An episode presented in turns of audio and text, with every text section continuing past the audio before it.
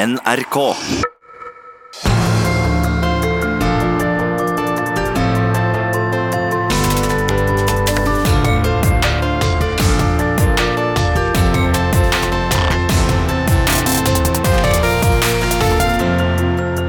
I disse dager skal norske jegere skyte 54 av landets gauper. Ei lovlig jakt på en trua dyreart. Hvorfor jakter vi på sårbare rovdyr? Og hvordan verner vi naturen mot fremmede arter som trenger seg på?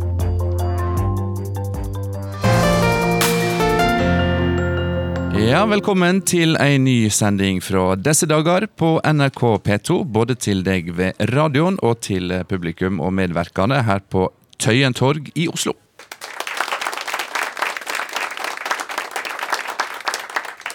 På vei hit i dag, i eh, tilnærma vårvær, hørte jeg eh, svarttrosten synge våren inn. Men jeg veit jo det, det er et eh, urovekkende vårtegn, for varmere klima gjør at svarttrosten ikke drar sørover på vinterferie. Og det fører til at bringebærbuskene allerede spirer i Drøbak. For naturen vår er i endring. Samstundes som mer enn 2000 arter er regna som trua, er 300 nye arter på vei inn i naturen vår. I dag får du høre grisebonden som frykter smitte og død fra villsvina hun ser utenfor stoveglasset, laksefiskeren som vil ha nasjonal fiskedugnad på den russiske pukkellaksen, biologen som ser hvordan klimaendringene påvirker livet i skogen, og naturfotografen som mener norske bønder må starte med rovdyrsafari.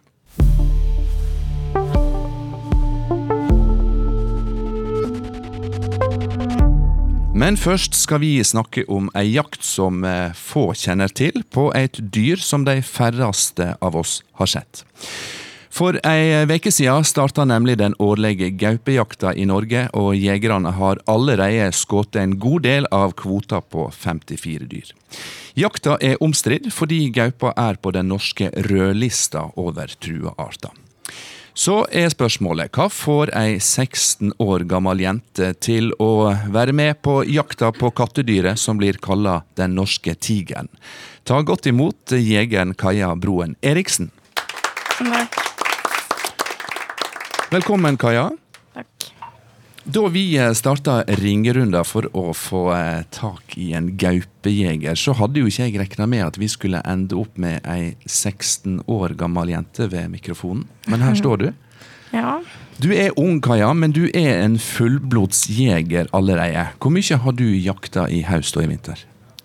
Eh, I høst så har jeg jakta lørdag og søndag hver helg, pluss noen fridager og noen ferier. Så det blir ganske mye. Ja, for det er dette du driver med Ja. i de våkne tid når ikke du er på skolen. Ja. Ja, og når du er på skolen, så går du på ei linje som eh, fokuserer på natur, skog og jakt. Um, og du har brukt mye tid nå i det siste på, eh, de siste dagene på gaupejakta.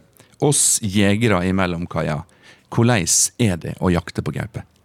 Det er en veldig spennende jaktform når det er eh, Det er jo en nattaktiv art som man ikke ser så mye til. Og da blir det spennende når man først får sjansen på å se den og være i nærheten og jakte på den, da. Hvordan går dere fram? Eh, Vi begynner med Så fort det kommer snø, så pleier vi å kjøre og se etter spor. Og så fort vi finner spor, da prøver vi å finne ut om det er familiegruppe, at det er flere gauper.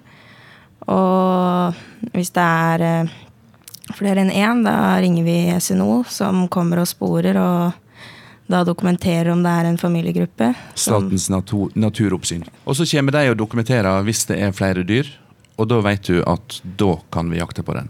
Nei, da, da Det sier om det blir kvote året etter, da. Og hvis det blir dokumentert nok familiegrupper, så blir det kvote da året etterpå. Kaja, jeg har vært mye i skogen, på fjellet og på jakt. Jeg har aldri sett gaupe. Jeg har sett spor, men aldri sett dyret. Hvordan er det, syns du, å stå og se på eh, dette norske kattedyret?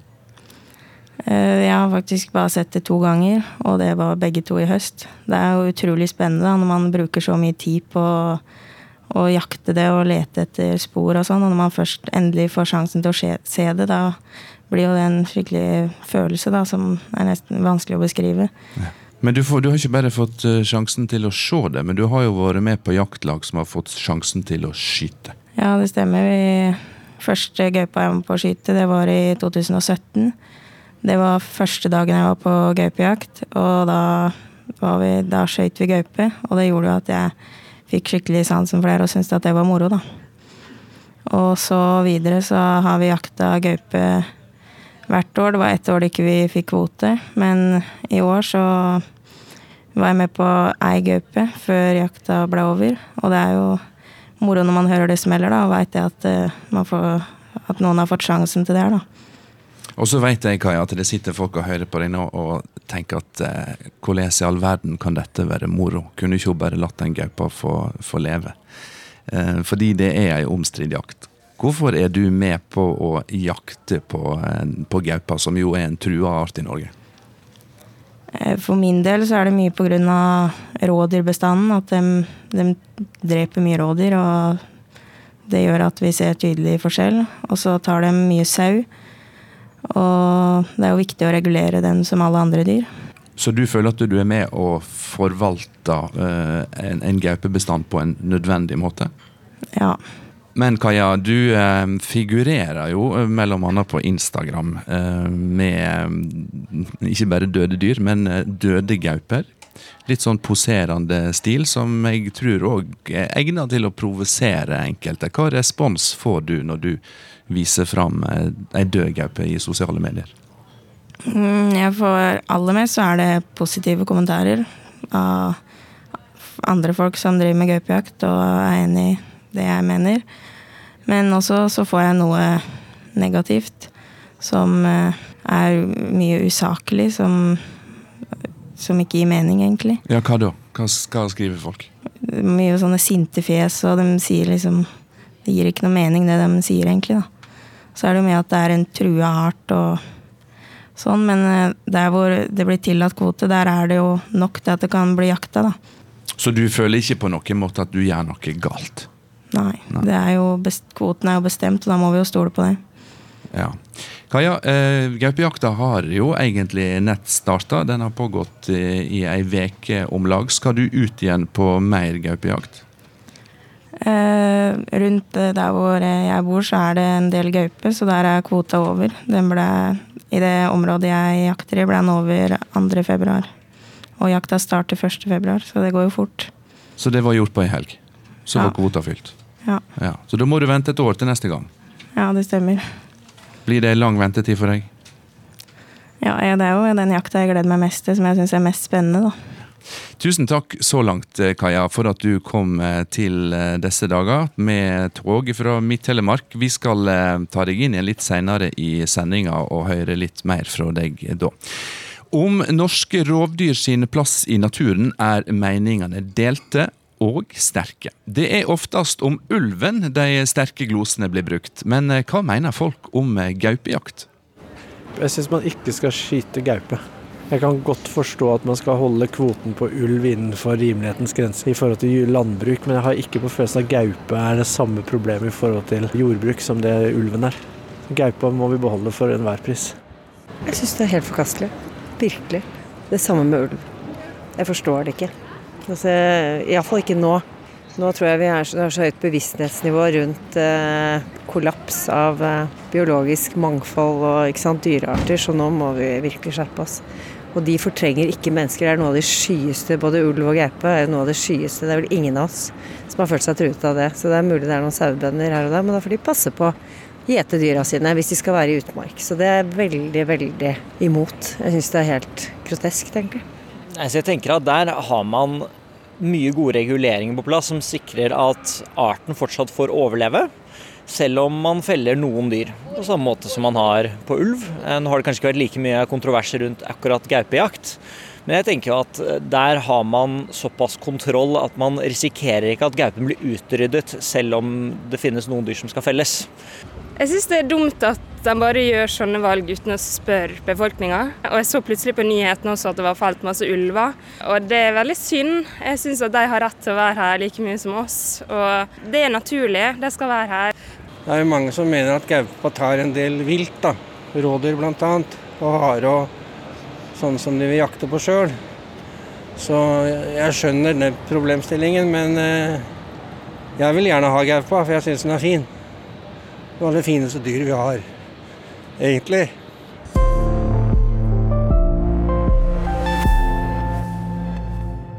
Ja, gaupejakta er i gang, og 54 dyr av om lag 320 kan felles. Også de nær 100 ulvene som er registrerte i Norge, blir det jakta på, i tillegg til jerven. Alle er de på statens rødliste over trua arter.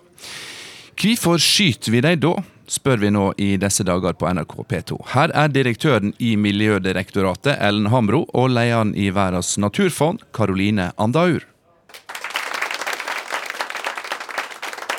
Velkommen, begge to.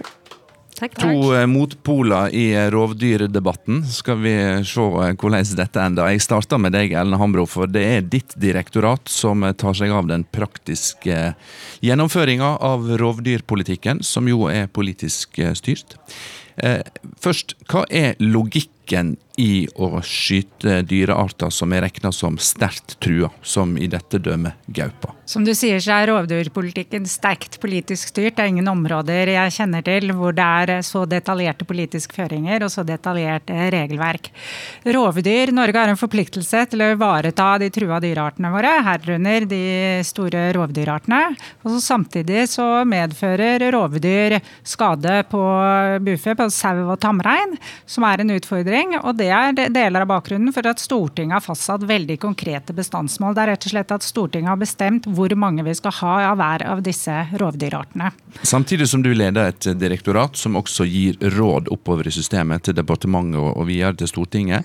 Og så vet vi at det er sjuende året på rad at eh, gaupebestanden ligger under det nasjonale målet. Altså det er færre gauper i Norge enn det vi skulle ønske det var. Hvorfor tillater det likevel jakt på den dyrearten? Altså Vårt ansvar er å uh, tilrettelegge for at man holder seg akkurat på det nivået Stortinget har bestemt, ikke for mange og ikke for få dyr. Eh, og så er det bestandsmål som er fastsatt for ulike regioner. og Da er det noen regioner hvor det er for mye gaup i forhold til det som er fastsatt mål, og noen steder eh, hvor det er eh, for få. Og Vår jobb som direktorat er faktisk å ikke ha noen mening om denne politikken, men å sørge for at den gjennomføres i tråd med de føringene som politikerne har gitt oss. Da er det godt at du er her, Karoline Andaur fra Verdens naturfond, fordi du har meninger om denne politikken. Hvordan virker gaupejakta inn på eh, norsk gaupebestand etter deres syn?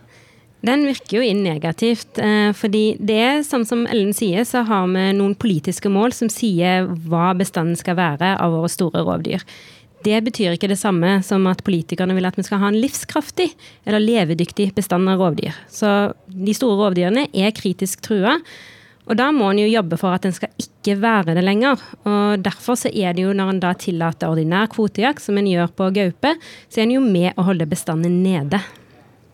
Men er de så opptatt, politikerne og eh, fagfolka i direktoratet, av å holde eksakt kontroll på individer at de mister overblikket som du er opptatt av, nemlig hvordan står det til med gaupebestanden i Norge som sådan? Ja, det er jo det er et politisk kompromiss. Eh, vi har et rovviltforlik i Norge som sier at eh, en skal samt, hvordan en forvalter rovdyr, det skal en òg se på de konfliktene en har. Eh, og Derfor en har en kompromiss der en har sagt vi skal ha noen rovdyr, men det skal ikke true f.eks. utmarksbeite. Og en skal håndtere at en skal ha en lav eh, rovdyrbestand. Det er jo politikerne som har bestemt at vi skal forvalte de store rovdyra til å være trua. Men så er det nå med årets gaupejakt eh, at i de områdene der det er lite gaupe, så er det ikke åpna for eh, jakt. Og i de områdene der det er mer gaupe enn de politiske vedtatte målene, så jakter en. Er ikke det en grei forvaltning, da? Jo, altså Nordland har jo sagt nei i år sjøl, og det syns vi er bra. Men samtidig så trenger en jo større samarbeid mellom rovviltnemndene, de som anbefaler i første omgang hvor mye jakt det skal være. Eh, fordi gaupa òg beveger seg over ganske store områder. Eh, og vi ser på dette som en nasjonal bestand, og ikke enkeltbestander i regionene. Så Derfor så mener vi, eh, som flere år på rad nå, at kvoten er tatt altfor høyt. Og så mener vi at det ikke burde være ordinær jakt på gaupe, men lisensjakt, sånn som en har på ulv og jerv. Ja, Som handler om at en tar ut nærmest navngitte individ, i stedet for å bare sette et tall, som på kvotejakta. Ellen Hambro, eh, deler du eh, uroa for den norske gaupebestanden? Eller er du helt avskåren for å mene noe om det? Den rollen jeg har gitt som direktør i Miljødirektoratet, så er jeg avskåret fra å mene noe om det. Og det er klart at den, De bestandsmålene innebærer at vi holder rovdyrbestandene kontinuerlig på rødlista. Og så er del av jobben vår i vårt elektorat, vi har Statens naturoppsyn som del av oss, det er også å være med på å holde bestanden rene ved faktisk også selv forestå uttak av disse dyrene. Mm. Du nevner rødlista, som altså er ei liste over trua arter. Er det slik at den rødlista den er laga for at visse dyrearter skal bli på den rødlista? Det skal på en måte alltid være så få at de kan defineres som trua.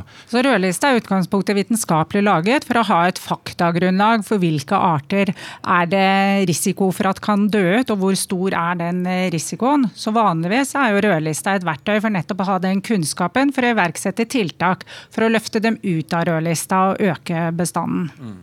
Vi hørte uh, gaupejeger Kaja i stad si at uh, en får jo bare stole på de kvotene som, uh, som er tildelt. det minner meg på at vi skal snakke om det dyret som virkelig får fart i norsk rovdyrdebatt, nemlig den store, stygge ulven. Fordi nylig slo Borgarting lagmannsrett fast at to av tre vedtak om ulvefelling i 2017 var ugyldige. Og Det kom fram fordi Verdens naturfond saksøkte miljøstyresmaktene. Hvorfor gjorde dere det, Karoline? Det gjorde vi fordi måten de tolka loven på, altså hvordan de begrunna at en kunne skyte ut ulv. Eh, og det handler om hvordan en eh, tolker naturmangfoldloven vår og visse paragrafer der som sier mer om hvordan vi forvalter trua arter som sådan. Og så ble den da brukt på ulv, så derfor så blir det kalt ulverettssaken. Men egentlig så handler det om hvordan en tolker norsk regelverk med naturmangfoldloven, Bernkonvensjonen som er en del av, som sier at vi skal sikre å ha levedyktige bestander av de dyrene vi har ansvar for. Men den dommen, som riktignok ble fatta ved dissens i Borgarting lagmannsrett, sparker den beina under truverdet til norsk rovdyrforvaltning? Det er et kraftig signal på at en må se på hvordan en forvalter naturen vår og dyrene vi har, eh, og at en ikke kan bruke samme begrunnelse framover. Ellen Hambro, eh, hvis den blir stående, endrer den norsk eh, rovdyrforvaltning på noe vis? Ja, Det er en veldig viktig dom som har kommet, eh, hvor eh, departementets vedtak eh, delvis blir kjent ugyldig og sagt at det ikke er hjemmel til å gjøre de fellingene som ble gjort. Sånn at dommen vil helt klart vil få konsekvenser for norsk rovviltforvaltning hvis den blir stående. La oss nå zoome litt ut. Se på det store bildet. Du Ellen Hambro og dine folk mener at det er ikke jakta som truer norske rovdyr eller norske trua arter, det er andre faktorer deriblant eh, klimaendringene, som vi skal snakke mer om. Medan eh, naturvernerne og Karoline og i WWF mener at eh, fellingsløyva får direkte følger for stammene av rovdyr. Kan det være at sanninga ligger en stad midt imellom der? Nei, men altså, det er klart at Fellingen av rovdyr har noe å si for utviklingen av bestanden av rovdyr. Det er helt åpenbart at det har. Så ja. akkurat den faktaopplysningen tror jeg ikke vi er spesielt uenige om. Nei, det, det som vi ser med, med dyrene våre, eller naturen, at den er under sterkere press enn noen gang. Igjen pga. klimaendringer, men den største trusselen har vært arealutbygging, eller hvordan vi forvalter naturen ved å tilrettelegge for infrastruktur. Altså vi bygger ned naturen. Leveområdene til dyrene blir mindre. Eh, og da er enkeltfaktorer som jakt de blir ekstra belastende hvis det er en eh, kritisk trua art. Men så er det veldig nå ofte den samla belastningen på dyrene våre, på naturen, som gjør at den står veldig ofte i fare. Ellen Hambro, du er opptatt av at dette er politisk styring, eh, og du er sett til å egentlig bare utføre vedtakene i praksis. Da må jeg spørre, Har ikke det i Miljødirektoratet ei røyst som blir hørt oppover også, eh, i forhold til å si at nå er det faktisk slik at denne bestanden er så låg at vi må slutte å jakte på den, til dømes? Selvsagt. Vi har både en jobb i å gjennomføre det som er vedtatt politikk, og så har vi en viktig jobb å være en faglig rådgiver opp til politikerne. Eh, om hvordan man mener politikken bør endres og utvikles. Men når vi har gitt våre råd, og politikerne velger en annen vei, så er det eh, vår plikt som byråkrat å gjennomføre den politikken. Mm. Du skal få være med oss eh, senere i sendinga Ellen Hambro, når vi snakker om nye arter som er på vei over landegrensene. Takk til deg, Karoline Andaur fra Verdens naturfond, også kjent som WWF.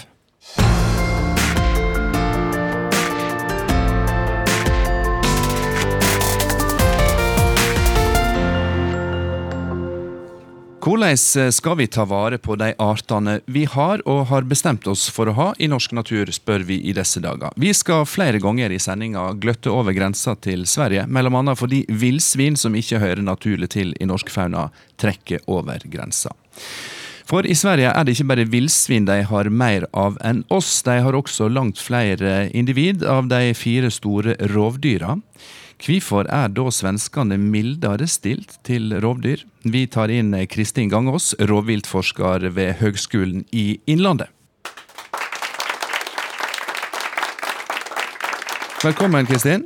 Tusen takk. Du har altså spurt eh, nær 2500 mennesker i både Norge og Sverige om holdningene deres til eh, rovdyr. Hva fant du ut?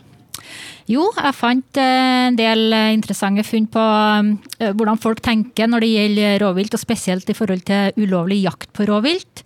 Ehm, vi har gjort en undersøkelse som ikke direkte sammenligner Norge og Sverige, sånn det vi kaller for demografisk. Da. For da må du spørre forholdsvis like mange i forhold til hvor mange innbyggere det er i Norge og Sverige. Men vi har spurt på en sånn eh, geografisk måte, så vi har sammenligna områder som har rovvilt, både i Norge og Sverige, eh, mellom de to landene, men også mellom områder som har rovvilt, og områder som ikke har rovvilt. For å jeg syns det er veldig interessant at det er de folk som bor i de her distriktene, som faktisk har rovvilt tett innpå seg. Hva er det de tenker om det her? Hvordan opplever de denne situasjonen? Og ikke bare hvordan eh, Ola Nordmann generelt og svenskene generelt tenker om det her, da.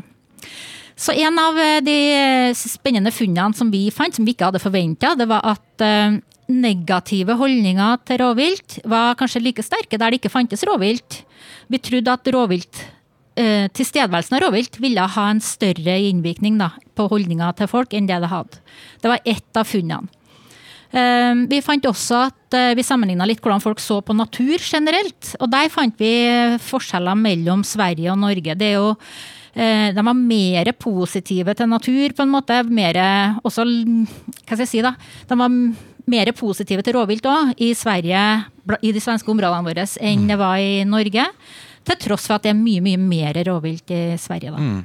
Fordi eh, En av konklusjonene her er jo også at, eh, litt tabloid sagt, da, norske rovdyr lever farligere enn de svenske.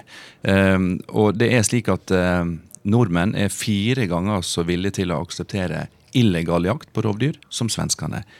Hva er teorien din om årsaken her? Ja, jeg må korrigere litt, da, for det er ikke nordmenn generelt. det er ikke, Men det igjen meg tilbake til det med hvordan vi har spurt de her respondentene. Men ja. Um, nei, det, det, som vi uh, Vi spekulerte litt på det, vi òg. Men det som er veldig forskjell mellom Norge og Sverige, det er noen sånne grunnleggende ting. Blant annet uh, eiendomsstruktur har vært veldig forskjellig fra gammelt fra historisk av. I Norge så har man eid uh, jorda sjøl. Det har vært små ja, grunneiere som har eid, mens i Sverige så er man mye mer vant med kanskje et mer sånn ovenfra og ned-styre. Um, og det har også vært uh, Sverige er jo medlem i EU og er underlagt helt andre ja, regler, på en måte, eller i hvert fall litt strengere oppsyn på hva de gjør, sammenligna med nordmenn. Vi har sagt nei til EU. Så det, det kan være noe i måten norske og svensker tenker på i forhold til Eh, bestemmelser, mm. hvem som bestyrer og eier sin egen eiendom. Og så har jo svenskene relativt god plass til rovdyra sine, fordi de har store landområder der det ikke bor folk. Og dermed så oppstår ikke konflikten mellom menneske og rovdyr. Eh, ja, det er også en liten myte. For når vi kikka på hvor mange som var tilknytta altså landbruk og disse primærnæringene, så var det faktisk prosentvis flere i Sverige enn i Norge. Så det, det er også en litt sånn myte som jeg tror har oppstått da, for å prøve å forklare det her. Mm. Du nevner at svenskene kanskje har en jeg si, litt mer lojal holdning til statlige vedtak, mens vi her i landet har vært opptatt av det lokale selvstyret. Eh, da må jeg nevne at like før jul så ble det kjent at en ulv som ble funnet død i Åsnes i Hedmark, var forgifta med frostvæske. Og det er slett ikke første gang eh, forgifta åte blir lagt ut for å drepe ulv. Er dette et dømme på en slags ekstrem variant eh, av et tradisjonelt norsk lokalt selvstyre? Jeg vet nesten ikke om jeg vil si det. Det er jo kriminelt, det her. Så det er ikke noe utbredd eh, med ulovlig jakt. Og folk flest er jo veldig lovlydige. og Det er jo noen få som utøver sånne her type handlinger, da. Um, så, og det er jo ikke sånn at det er konfliktfritt uh, i Sverige heller. Eller, uh, så, men akkurat denne, sånne, den ulovlige jaktbiten den er såpass ekstrem at den tror jeg man må ta for det den er, og sette den på den, eh, ja, på den plassen den hører hjemme. Mm. Eh, selv om ulven jo er artsopphavet til menneskets beste venn, nemlig hunden, så er jo det en vesensforskjell i hvordan vi ser på de to skapningene. Ulven er en mytisk skapning som har spilt store roller i eventyr og segn. Hva er det som har skapt denne dramatiske forestillinga om ulven? Vi vet egentlig ikke helt hva som er grunnen til alle de mytene, men vi vet at i Norge så har jo forfølgelsen av rovvilt har eksistert eh, veldig veldig lenge. Den er fra gammelt av. Um, og det er jo fra, helt fra tilbake til eh, den første loven vi vet om i Norge, da, med fra gamle frosta ting, når det var liksom fra 1100-tallet, 1000-årstallet. Så var det allerede Da var det sånn at du kunne ikke jakte arter på annenmanns eiendom utenom noen få arter, og det var ulven annet. Den fikk du jakte på også på annen manns eiendom. Så og Dere der kom jo også opp i det som vi i dag populært kaller for rovdyrkrigen, som oppsto i 1845 med en ny jaktlov, hvor det også var, det skulle alle rovvilt utryddes. Så vi har en tradisjon for å jakte rovvilt. og ja, for å ta vare på bufe og for å ta vare på annet vilt, som hjortevilt og det vi kalte for matvilt da, i gamle dager. Og det, det henger ganske tungt, og det tror jeg har vært helt fra, fra gammelt, gammelt av. Nå er jo det debatter på gang om, eh, om, å trappe ned produksjonen av eh, kjøtt i Norge. At en skal ha rett og slett færre dyr i fjøset på beite. Er det noe i forskninga som skulle tyde på at dersom det blir lavere husdyrtall i Norge, så vil også, endring, eh, vil også holdningene våre til rovdyr endre seg? I forhold til vår forskning så er det ikke det. For det handler ikke om eh, der det er sau, eller det er ikke eh, sau, antall sau på beite eller antall sau drept av rovvilt. Det påvirka ikke eh, holdningene til folk i de undersøkelsene vi hadde. Det var mer tradisjoner der det var sterke tradisjoner for storviltjakt f.eks. Der var de også mer negative til, til rovvilt. Og, og, igjen, da er vi litt tilbake til den gamle eiendomsstrukturen. Altså Vi har et selvstyre på lokalt nivå. Mm. Tusen takk eh, Kristin Gangås for at du kom til eh, disse dager på NRK P2. Du er rovviltforsker ved Høgskolen Innlandet. Nå skal vi flytte blikket vårt fra arter som vi har i fåtall, til arter vi får i hopetall. Kommer du på noen fremmede arter som ikke hører hjemme i norsk natur? Brunsneglen.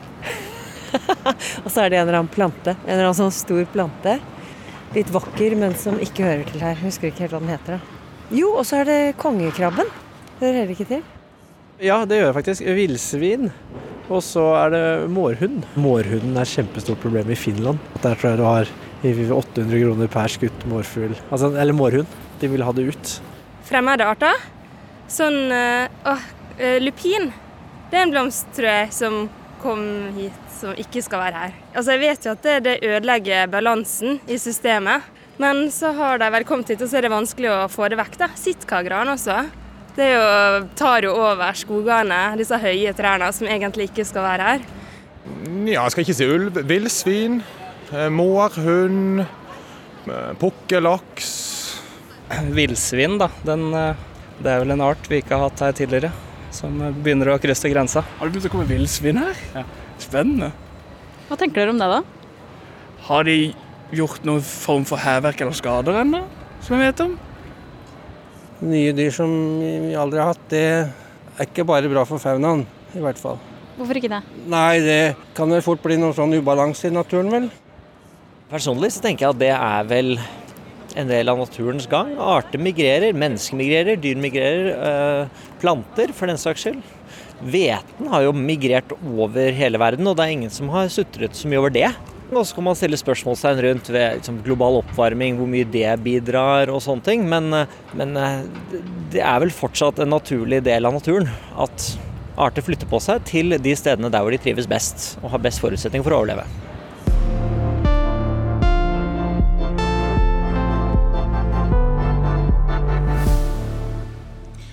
Arter flytter på seg, og av de flere hundre nye artene som tar seg til rette i norsk natur, er det noen som bringer med seg mer svineri enn andre.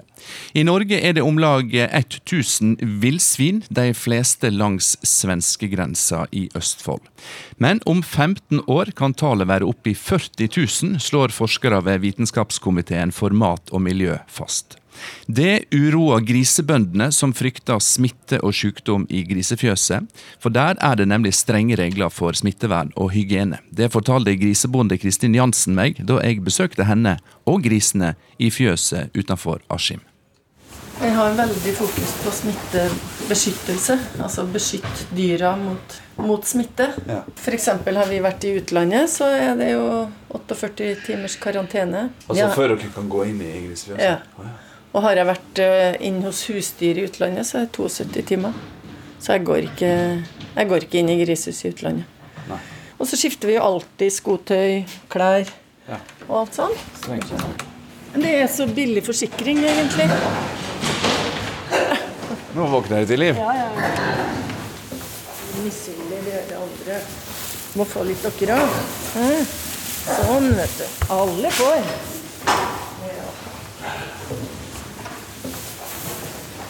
Men her har du jo rikelig med det som jeg nesten vil kalle smågris. Det er jo ikke store dyra, men det er veldig mange av dem. Ja, nå, vi har organisert liksom besetningen sånn at uh, når jeg har smågris, så har jeg mange av det, og lite av noe annet. Så nå har vi en ca. 350 små Eller de er jo sånn litt større enn vanlig smågris. De er, er vel 11 uker gammel. Så det er en fin, en fin gjeng. Kristin Jansen, hva fare utgjør eh, villsvina fra øst for din besetning her?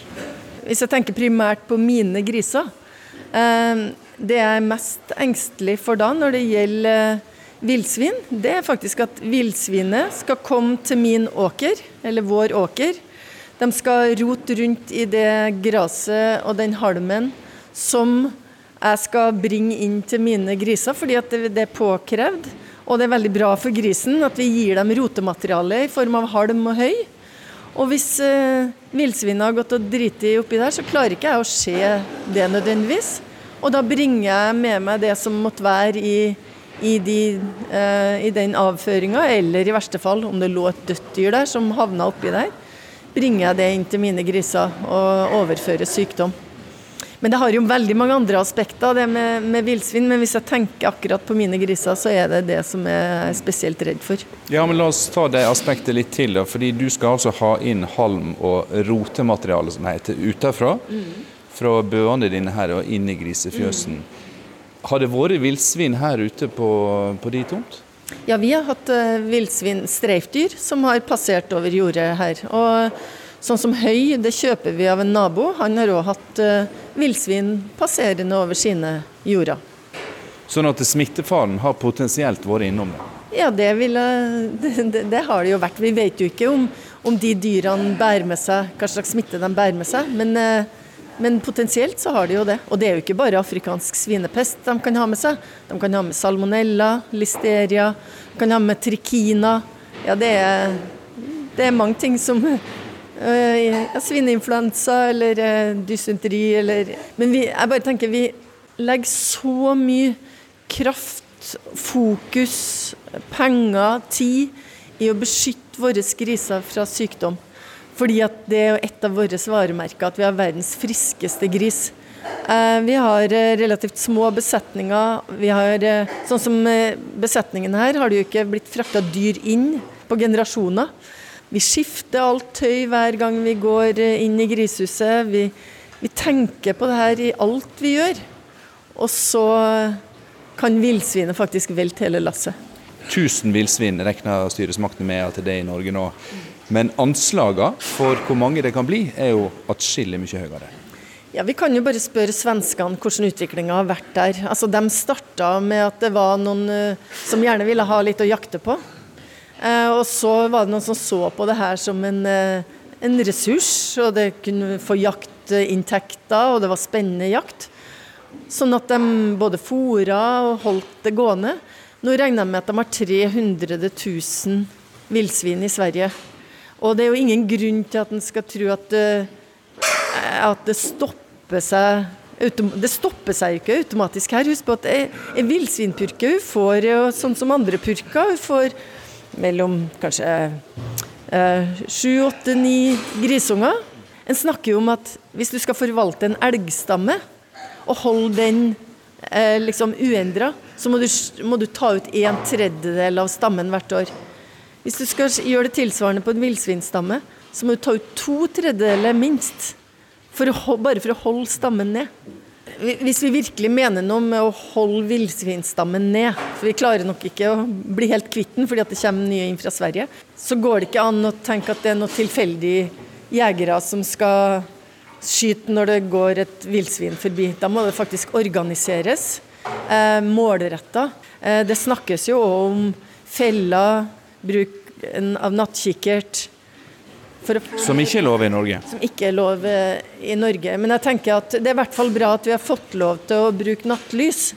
Um, men, men jeg tror i tillegg at det må oppfordres til organisert jakt og drives opplæring i villsvinjakt, for det er en vanskelig, det er en vanskelig jakt.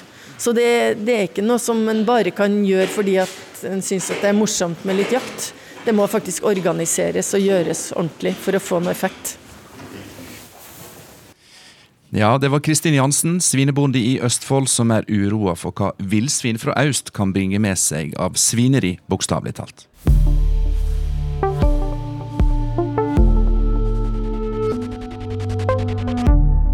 Hvordan kan vi verne norsk natur mot arter som ikke hører naturlig hjemme her? Og hvordan skal vi stoppe flokkene av villsvin som tar seg over svenskegrensa? Velkommen tilbake, Ellen Hambro, stadig vekk direktør i Miljødirektoratet. Hva er planen din for å stanse villsvina? Altså, spredning av fremmede arter er den tredje største årsaken til tap av naturmangfold i verden, ifølge FNs naturpanel.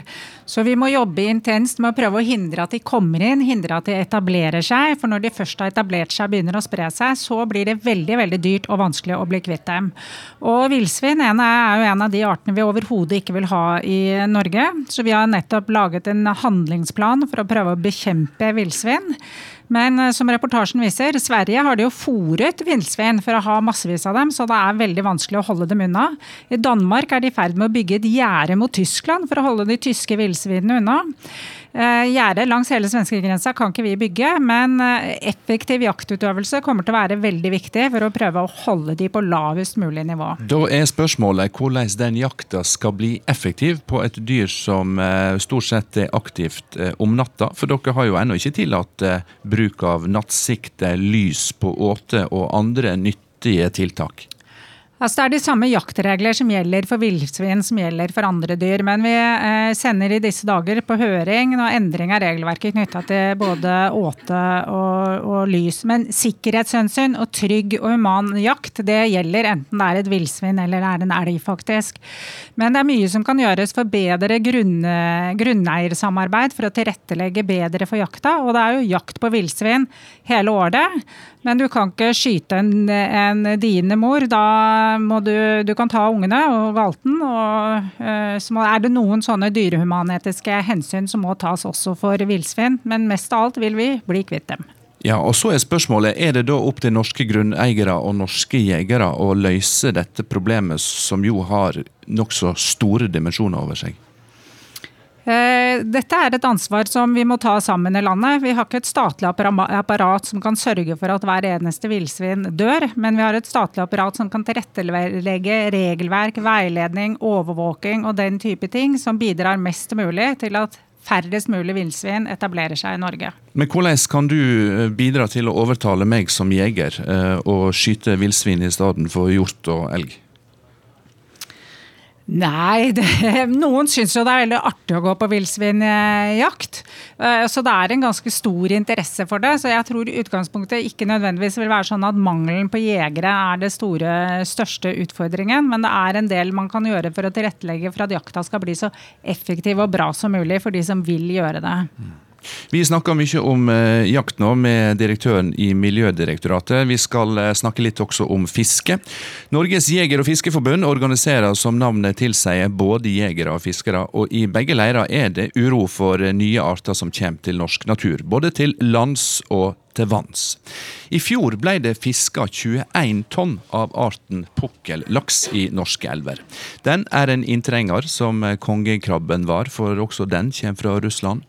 Øyvind Fjelseth, du er biolog og fiskekonsulent i Norges jeger- og fiskeforbund. De har kalla dette skrekkinvasjonen fra øst. Hvorfor det? Jo, fordi den er så massiv, og den kommer veldig brått på. Eh, vi har jo hatt pukkellaks i norske elver helt fra ja, slutten av 50-tallet og 60-tallet. Eh, men i veldig, veldig lave antall. Eh, så i 2017 så kom det plutselig store mengder. Og virkelig store mengder inn i særlig Finnmarkselvene, men også ja, helt ned til Skottland. Så det, så det, det, det rant på med en fremmed art for, for norske vassdrag. Og det samme gjentok seg i 2019. Eh, det skyldes en litt særegen eh, livshistoriestrategi denne arten har. Ja, fordi den opptrer hadde nær sagt annethvert år. Den dør etter to år ca. Hvordan henger det sammen?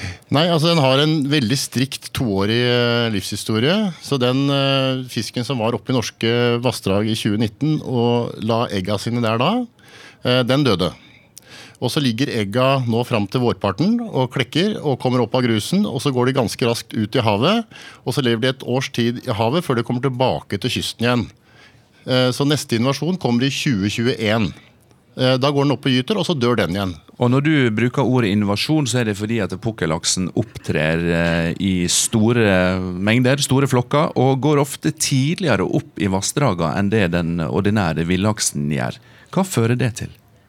Nei, altså, det, altså, Den er invasiv, som vi sier, fordi den kommer i store mengder. Og han hører jo heller ikke hjemme her. ikke sant? Uh, nei, altså Det det fører til, den tidlige oppgangen er vel ansett å kanskje ikke være det største utfordringa. For den gyter gjerne tidligere enn uh, vill laks og sjøørret, altså norske arter. Uh, men det som skjer deretter, er den veldig usikker på. Og det er mange usikkerhetsmomenter her som gjør at Vitenskapelig råd for, natur, vitenskapelig råd for lakseforvaltning og andre har satt den som en høy risikoart. Fordi den ødelegger vilkårene for villaksen, som ja. jo er også en trua art, ifølge mange. Spørsmålet er hvordan blir vi kvitt pukkellaksen, hvis det i hele tatt er råd? Nei, Det har vist seg at eh, det går an å ta ut fisken i, i elvene. Det er gjort i stort monn i, i Finnmarkselvene, særlig i sommer. da, Men de begynte jo på det i 2017 også.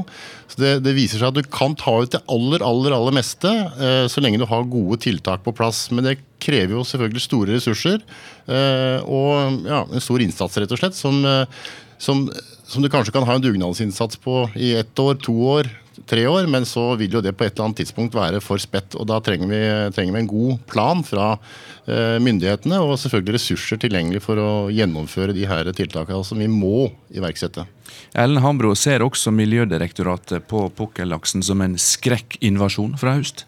Ja, Vi deler den store bekymringen for pukkellaksen. og eh, VKM, altså Vitenskapskomiteen for mat og miljø, har laget en risikoanalyse for oss som viser mye av bekymringen, i tillegg til at den kan fortrenge stedegne arter, konkurrere om gyteplasser og om eh, maten. og Når de dør, for de dør med en gang de har gytt disse her, så det, fører det til overgjødsling av disse vassdragene, og de kan bringe med seg sykdommer. Så er, vi ønsker på ingen måte at den skal få etablert seg. Og så er det vanskelig og bli kvitt den. Og all ære til Jeger og Fisk og deres medlemmer og mange andre som har gjort en kjempefrivillig innsats både i 2017 og 2019 for å fiske ut Vi er blitt bedt om av departementet nå om å lage en handlingsplan for å bli kvitt pukkellaks. Og da blir det særlig fangstmetoder, effektive redskap for å sørge for at man får tatt det ut.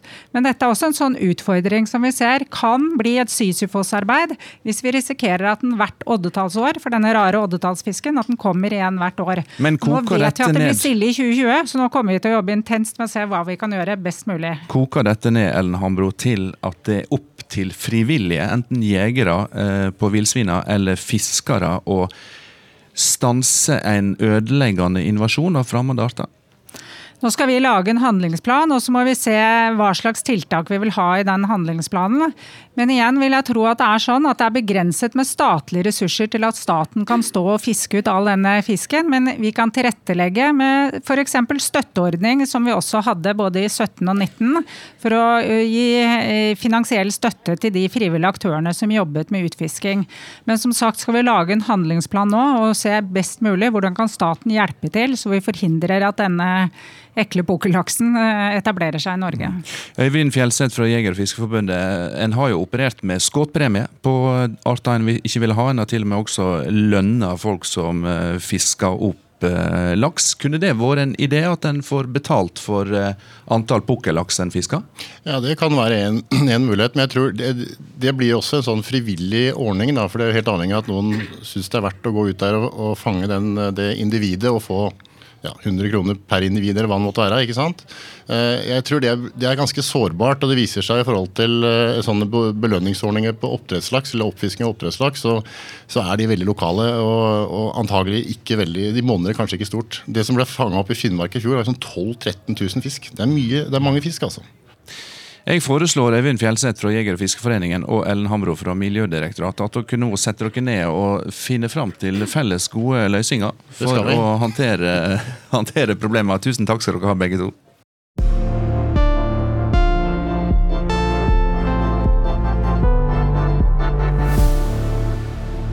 Endringene i naturen går raskt, framskunda av et klima i endring. Det blir eh, både varmere og våtere i været. Hvor tar dette oss hen? Og er det råd å tenke helt nytt for å ta vare på de trua artene våre? Her er zoolog Petter Bøckmann fra Naturhistorisk museum og naturfotograf og biolog Tom Shandy.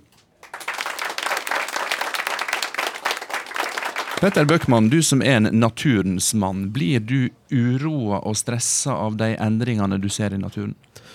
Ja, eh, på helt personlig plan faktisk. Jeg bor eh, oppe ved Østmarka i Oslo. Og da jeg var sneip, så kunne jeg gå og hvelve meg i lyngen uten å få flått. Det kan jeg ikke lenger. Så jeg er ikke noe sånn superbegeistra for en del av disse endringene. Noen av disse endringene spiller ikke sånn innmari stor rolle, men det er noen andre der som kommer til å bite oss i stumpen på et eller annet tidspunkt. Ja, Da lurer jeg på, hva endringer bør vi være mest uroa for?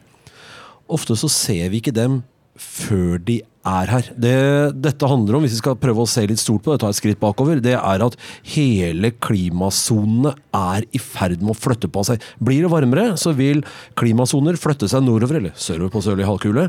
Og da følger det med nye arter, nye dyr. Nå er vi spesielt heldige her i Norge, og for så vidt også i Sverige, med at vi har Kattegat som ligger mellom oss og fastlands-Europa. sånn at det er ikke sånn at alt som rusler rundt i Europa, bare flytter inn i Norge rett uten videre. Men vi drar med oss en del, er kanskje særlig der vi kan få problemer. Tom Shandy, du er biolog og naturfotograf. Eh, Har endringene i norsk natur eh, ført til at det er bilder du ikke lenger kan ta? Ja, det er jo Ja, altså man ser jo ikke så fra dag til dag i Norge, men det er klart at det er endringer, og, og vi ser at arter eh, altså har gått kraftig tilbake langs kysten f.eks.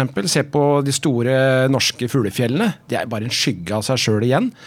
Eh, Lunde f.eks., som eh, ja, når jeg vokste opp, og, eller var første gang på Røst i Lofoten eh, i 79, så var det halvannen million par eh, lunder, og nå er det 250 000-300 000 par igjen. Så det er jo dramatisk. og Mange av disse fuglefjellene står helt tomme.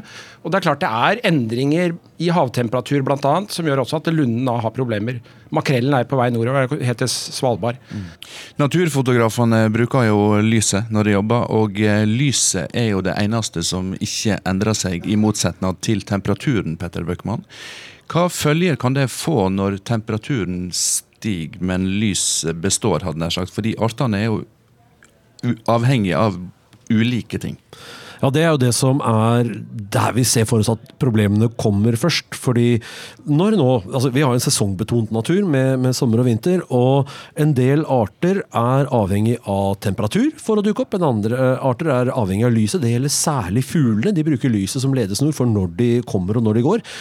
Og så har vi plantene i tillegg, som noen er temperaturavhengige, og noen skal være lysavhengige. og det er, det er, mye frem og tilbake. Og en del av disse forholdene er ganske finstilte. altså Det skal være riktig temperatur og riktig lys i mange nok dager. Noen går bare på temperatur, men til sammen så gjør det at når visse planter spirer, så kommer insektene som skal spise dem, og så kommer fuglene som skal spise dem igjen. Når dette systemet forrykker seg, så forrykker også balansen seg. Da kommer planter før, og så er det ikke noe insekter her, og så blir det ikke bestøva, eller så kommer insektene ut først, og så er det ikke noen planter som har spira ennå, og så kommer linerla, da er alt sammen over. Og, og, det er den type problemstillinger som vi forventer å få. At fuglene kan komme for seint til matfatet, f.eks.? Eller for tidlig, avhengig av Eller at det rett og slett ikke er noe matfat igjen, fordi kombinasjonen av planter og insekter som de faktisk lever av, ikke eksisterer lenger. Tom eh, Shandy, du har jo tidligere vært engasjert i miljørørsla, og er veldig opptatt av noe vi har snakket om tidligere, Sandy, nemlig eh, forvaltninga av norske rovdyr. Og du er opptatt av hvordan vi tar vare på rovdyra våre når arter forsvinner. Du har jobba mye utenlands, bl.a. i Brasil og i Chile og India. Der er true arter millionbutikk, forteller du. Ja, det er jo bare i Norge at, uh, at, vi skal utrydde alle store rovdyr, og ikke ser noe positiv nytte i å ha disse dyra på, på norsk territorium. Uh, når jeg reiser rundt i verden, uh, nå har jeg vært i høst da har jeg vært i, i Brasil og fotografert jaguarer. Og der har man da funnet ut at verdien av levende jaguarer, altså gjennom økoturisme, det er en syv-åtte 8 millioner dollar i året, mens skadene de samme jaguarene gjør på kveg, det er bare en 120 000 dollar. Så det er eh, mange, mange ganger større nytteeffekt ved å ha levende dyr. Men det har man kanskje da ikke skjønt egentlig på våre egne breddegrader her i Norge. Til og med i Finland så finnes det muligheter for å eh, bruke bjørn og store rovdyr i økoturisme langs grensa til, eh, til Russland. Eh, jeg er jo stadig vekk i finske områder og fotograferer bjørn, ulv og jerv. Kanskje i løpet av samme natt. Og hele verden kommer for å oppleve det. Men i Norge, som egentlig burde ha også mye av de samme mulighetene, der opplever da de samme turistene at nei, vi skyter de ned, vi dreper alle sammen.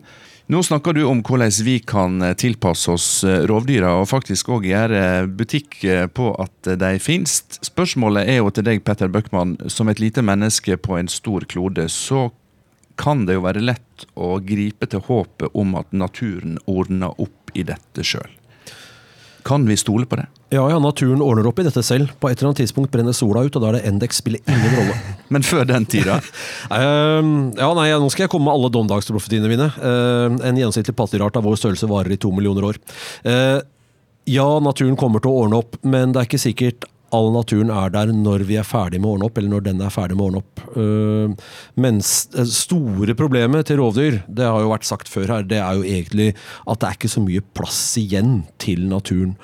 Og det kommer til å bli stadig mer folk, og folk skal ha plass, og de skal ha mat, og de skal ha alt mulig rart. Og nå skal jo da befolkningen gå ned på et eller annet tidspunkt, ifølge FNs befolkningspanel. Spørsmålet er hvor mye natur er igjen da? Ja, og så er det òg ei utfordring for oss mennesker at vi ser endringene først når de har skjedd. Ja, og Det er den andre siden av saken. Den tredje siden av saken at disse endringene ser ut til å skje med ekspotensiell fart. Og mennesket er ekstremt like lite flinke til å se og tolke ekspotensielle funksjoner. Vi ser ikke ideen om ekspotensialitet sånn rett uten videre. Tom Shandy, som fotograf og formidler av både natur og endringene i naturen, er det vanskelig å formidle de endringene som du er uroa for? Uh, det er jo ikke vanskelig å formidle endringene, for det, det gjør vi jo hele tiden. og det det gjør jo politikere. Alle formidler jo det, men det er jo ingen som tar ansvar og ordner opp. Det er jo politikerne som er det store problemet her. Hvordan, hvordan skal de kunne politikere som ble valgt inn for fire år, hvordan skal de eh, på en måte skjønne og forstå hva som lønner seg på lang sikt? Det er helt håpløst, sånn som det ser ut nå. Altså, Dette med rovdyrkonflikten, hvordan man skal løse om, løse dette her. Til og med når sauen er borte, så begynner elgjegerne å, å klage over at, det, at ulven spiser elg. Og da begynner jeg dette litt av lasset. Elgjegere er eh, de som egentlig driver denne konflikten. Sauebøndene er ikke egentlig der konflikten ligger.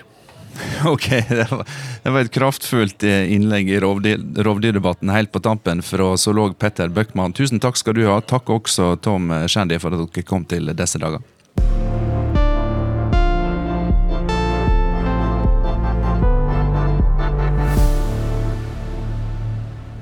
Så er spørsmålet hva tenker en eh, ung jeger på 16 år om de endringene som skjer i klimaet og i artsmangfoldet? Vi kaller igjen på gaupejegeren Kaja Broen Eriksen. Kaja, nå har du hørt eh, dommedagsprofetier, og eh, du har hørt om arter som forsvinner, og om nye arter som kommer til i norsk natur. Som ung jeger, blir du nervøs av de endringene du både ser rundt deg og hører om i dag? Eh, det er jo store ting som kan skje, og det er jo umulig å si hva som vil skje videre. Men det er viktig å ta tak i det før det er for seint, da. Og du har tenkt å ta tak i det på din måte, fordi du ønsker deg en jobb eh, på sikt i Statens eh, naturoppsyn for å være med og forvalte norsk natur. Hva blir neste jakttur nå? Eh, nei, nå blir det nok mye revejakt framover. Nå er det jo nesten bare det som er igjen før sesongen er over. Kaja Broen eh, Eriksen, tusen takk for at du kom til eh, disse dager på NRK P2 og fortalte om eh, din lidenskap for natur og jakt. Teknisk ansvarlig for denne sendinga var Helje Marie Thorsdotter Svensson og Fredrik Nordin. Linn Helene Løken var reporter, Marte Rommetveit produsent. Jeg, Håkon Høgsbø, takker for følget og minner om e-postadressa vår disse dager krøllalfa nrk.no. På gjenhør.